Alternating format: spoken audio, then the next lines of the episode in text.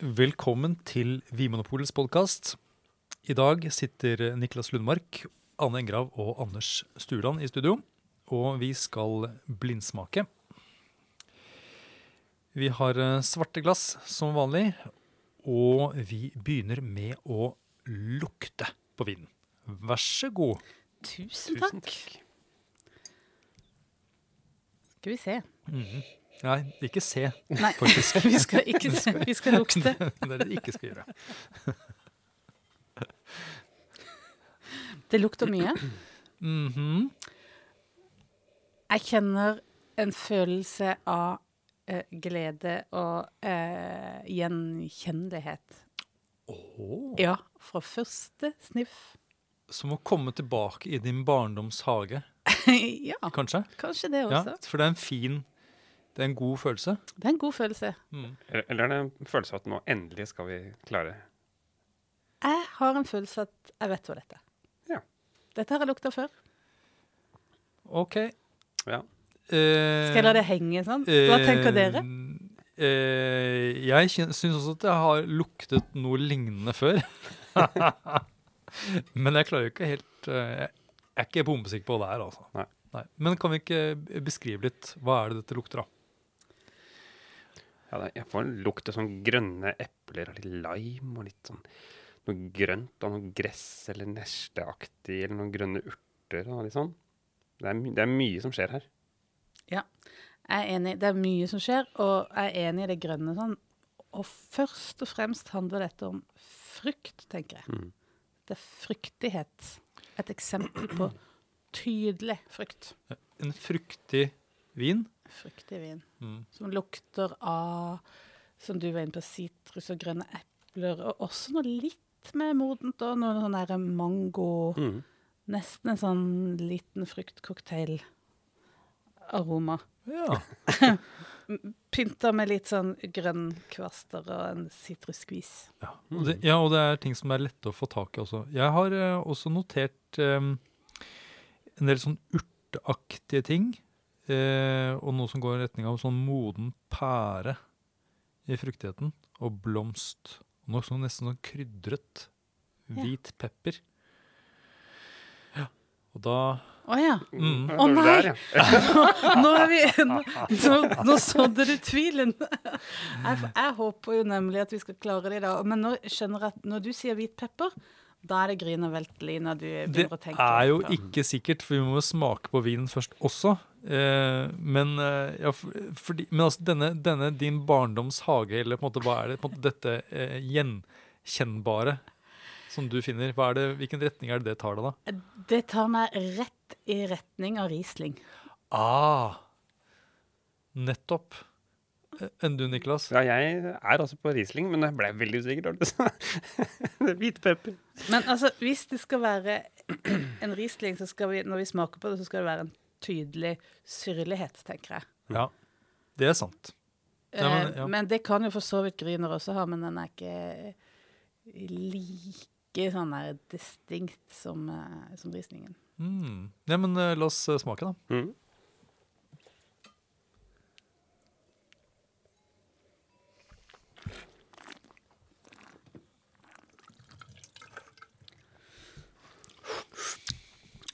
Syrlig, ja. Ja, Mhm. den er jo det. Ja, den er skikkelig syrlig. Men tvilen er sådd i meg. tvilen er sådd. Men den er, det er tydelig syre her. Ja, og det er noe sånn, sånn blomster, noe som minner om sånne hegghyll. Ja. Og, noe sånn, og sånn moden sitrus, nesten sånn grapefrukt. Det Jeg, har en sånn grapefruktbitterhet i bakkant der, som Ja. er ganske markant. Mm. jeg tenker fremdeles at dette er liksom min barndoms hage. Ja. eh, Riesling. Har du fortsatt Øh, Jeg, jeg tenker at det er noe sånn rieslingsk over dette her. Eh, både den der sånn sitrusfruktigheten, men ikke minst den der syrligheten. Men det som liksom trekker meg liksom bort fra Riesling, er dette der lille Du nevnte en sånn bitterhet, men det, det er sånn, sånn type grep. Ikke akkurat som snerp, men noe som minner litt om snerp da, i munnen. Eh, og så tenker jeg at Riesling er enda mer jeg skal si, tydelig i fruktigheten. Men det er mulig at jeg eh, husker feil. Jeg syns man kan få litt av der- den bitterheten, litt grep i den Riesling fra Østerrike. Å ja. Ja, Jeg jeg, jeg beveger meg litt sånn mellomting her. mellom Grüner Veltliner er fra Østerrike, og du er på Riesling. Så da- Ja. Men kan Så det er du diplomaten. Men jeg tenker òg det der grepet, helt enig. Eh, Men er ikke det også noe som skjer hvis man lager vin på fullmodne druer, og så kanskje til og med la skallet ligge med i et par timer etter du har eh, Mhm. skvisa, pressa druene? Ja, det er sant. Mm. Og Det er klart, I, sånn, i kjølige områder så er, kan man jo gjøre sånt uten at syrligheten går så mye ned òg. Ja Så, eh, men, men den syra her, så Vi må vel regne med at det er ganske kjølig. ja. Ja. Men Hvis vi skal bruke klokkene våre, da. Mm. Én til tolv på syre. Hvor ligger vi hen da? Jeg er nesten på en tier. Mm. Ja, så på ti, ja. Det, da er det Riesling. Da er det Riesling. Ellers så er det som Savne Blanc kan det også være oppe i en tier. Ja. Uh, Mm. Men, eh, tror ikke det er sånn Blanc. men altså, det er en drue som tydeligvis da gir en del fruktighet. Eh, det er ikke en drue som det er noen spesiell tradisjon for oss å bruke noe, få noe fatpreg i vinen, i hvert fall. For det er ikke noe fatpreg her. Eh, men, og det er en drue som brukes i et kjølig klima. Er det noen andre muligheter enn Grüner Weltliner og Riesling? Som har den kombinasjonen av en tydelig frukt og høy syre, Mm. Og som da For, dette her er jo sånn stilen fruktig vin. Kan det være en silvaner? Mm. Eh, Ja, ja. Eh, interessant tankeeksperiment. Men er ikke den litt mer dempa? Jeg, jeg kom, forbinder ikke den med så ekspressiv frukt. Nei, du har nok rett. Hva er, det som, hva er det som gjør at vi ikke tenker eh, Sauvignon Blanc her, da? Ja, det er klart. Den, den avsjekken må man alltid ta. Men eh, eh, jeg tenker jo da på Sauvignon Blanc som den erketypiske Sauvignon Blanc-stilen er mer sånn grønt, neslete, Mm. urtete. Ja. Tomatstilk, liksom. ja. Mer av det liksom, ferske grønne. Mer av en sånn fruktighet som kanskje går mot noe nesten sånn pasjonsfrukt, hvis det er noe sånn newzealandsk. Eller mer utydelig frukt, hvis det er noe sånn sanserreaktig. Mm. Og så er det dette grepet igjen, da, som jeg ikke har kjent noe særlig i Sauvignon Blanc. Kanskje ikke. Nei. Eh, ja. Nei, men skal eh, Jeg tipper altså da Grüne Weltliner. Jeg tror det er en relativt enkel vin. Altså den er godt laget, eh, men jeg tenker at dette er ikke sånn enkelt vinmarkskvalitet. Eh, det er liksom den startvinen til en produsent fra Østerrike. Jeg tar, jeg tar ingen sjanser når jeg sier Grünerveltliner fra Østerrike. Det er jo stort sett der de kommer fra. Men dere har jo litt mer Er dere begge på Riesling? Niklas? Er Jeg, jeg er fortsatt på Riesling, men jeg, jeg- er enig med deg at vi er i Østerrike. Typ, kanskje noe sånn Keptal eller et eller annet. Jeg, ja. Ja. Riesling, Østerrike. Eh, Og hvilket kvalitetsnivå? Nei, vi er sånn, jeg er enig med deg det er en forholdsvis enkel kvalitet. Yes. Jeg er jo da på Riesling. Uh, jeg tenker også at den er, det grønne det tyder på at det er høsta relativt tidlig. Mm. Men det er fremdeles mange gode kvaliteter. Men det er jo det som er så deilig med uh, tysk Riesling, at du får så mange gode kvaliteter på ganske rimelige uh, prisnivåer. Mm. Under 200 kroner, kanskje et sted mellom 150 og 200, kanskje 175, Som er, som er midt mellom, faktisk.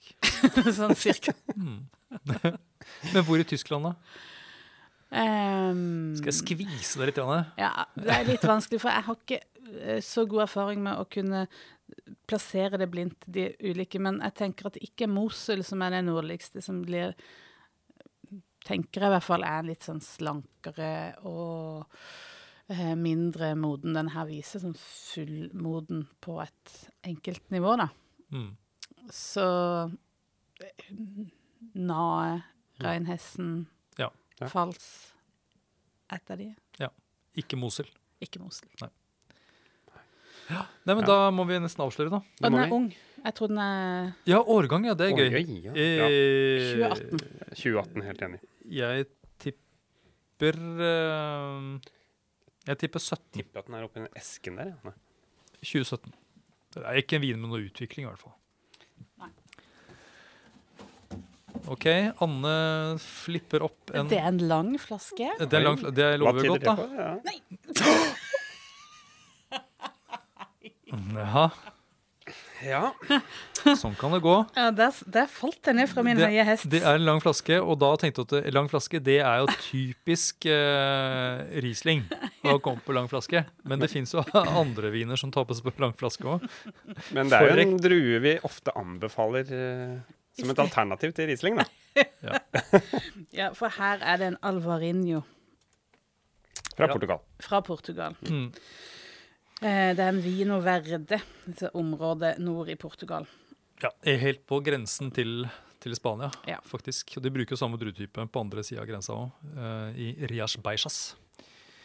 Ja. eh, nei, Niklas, du har helt rett. Det er jo en drue som i det området gir friske viner. Mm. Litt sånn som Riesling. Og de lages i en fruktig stil. Eh, og jeg har også hørt produsenter i området si da at en sånn typisk aromaegenskap i disse vinene er noe som minner om sitronverbena. Altså denne urten som de da bruker til å lage te av, blant annet i området.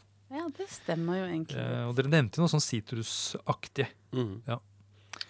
Men litt rart at du ikke nevnte Alvarinho når vi var inne på hvilke druer som kan gi en sånn syre. altså. Altså, jeg var så brennsikker på den Rieslingen. Mm. Det er jo lett å gå til hva skal jeg si, klassikerne. Disse ja. prototypene, nærmest. Ja, Forbildene. Ja. Mm. Eh, så må vi ikke da glemme alle disse andre. Og Alvarinho er jo en, eh, en anerkjent drue. Ja. Eh, er jo et, et område som er kjølig, selv om vi er på den iberiske halvøy. Ja. Mm. Så er det jo Atlanterhavet, som er egentlig grisekaldt. Som kjøler ned områdene. Det kommer sånne gufs inn med sånn havtåke eh, inn i disse dalene. Men det, det kan jo forklare litt den der fullmodne frukten med den høye syra. For den er liksom, den får tid nok til å bli moden, samtidig som den ikke er oppvarma hele tida. Mm. Så jeg skjønner det jo litt Ja. når jeg ser hva det er. Og så er det dette grepet, da. Og nå skal jeg, nå skal jeg også ro litt. For det er jo noe med altså disse druesortene som det brukes i, i, i disse kystnære områdene, de må jo ha litt tykt skall eh, for å liksom ikke liksom, liksom bli råtebefengt så lett. Det er jo det er fuktig klima. Jeg, jeg tror Albarinho eller Alvarinho har litt tykt skall. Og Ja. kanskje det er noe av det som gir dette lille grepet. Ja. Mm. Stilmessig er vi jo i samme land. Eller ikke land, men vin. Vinsjanger, vin- vinsjanger. ja. Ja. Sånn at hvis, eh, hvis du som hører på er glad i Riesling, så er det ingen stor risiko å prøve da en Alvarinho en Nei, gang. det er sant. Eller vice versa. Det er, ikke en, det er ikke en kjempeblem å gjøre, selv om jeg er litt skuffa over at jeg tenkte Jeg syns det var så gjenkjennelig, så Men dere var nærmere enn meg. Det var vi. eh, Ikke i, høy, i høydemeter, da, eller? Eh, nei, jeg tenker sånn stilmessig. Riesling er nærmere Alvarinho enn Grüner, altså en der. Ja, jeg skal gi dere den. Tusen takk, det jeg trengte den. Ja. Hvis man er vant til å kjøpe Riesling til rekene, så prøv Alvarinho. Mm. Det er et veldig det- godt alternativ. Og så heter det altså eh, Det er jo området som da heter Vine, Vine Verde. Ja. Eh, som Grønne vinen. kan eh, rett og slett oversettes med grønn vin. Mm. Og det kule er jo at de faktisk lager rød Vino Verde. Ja, det er et litt sånn artig paradoks. Nei, men eh, tusen takk skal dere ha. Takk for smaken. Takk. Takk for at du hører på Vinmonopolets podkast. Har du forslag til et tema i podkasten? Send mail til podkast at vinmonopolet.no. I tillegg svarer kundesenteret deg på e-post, chat og telefon.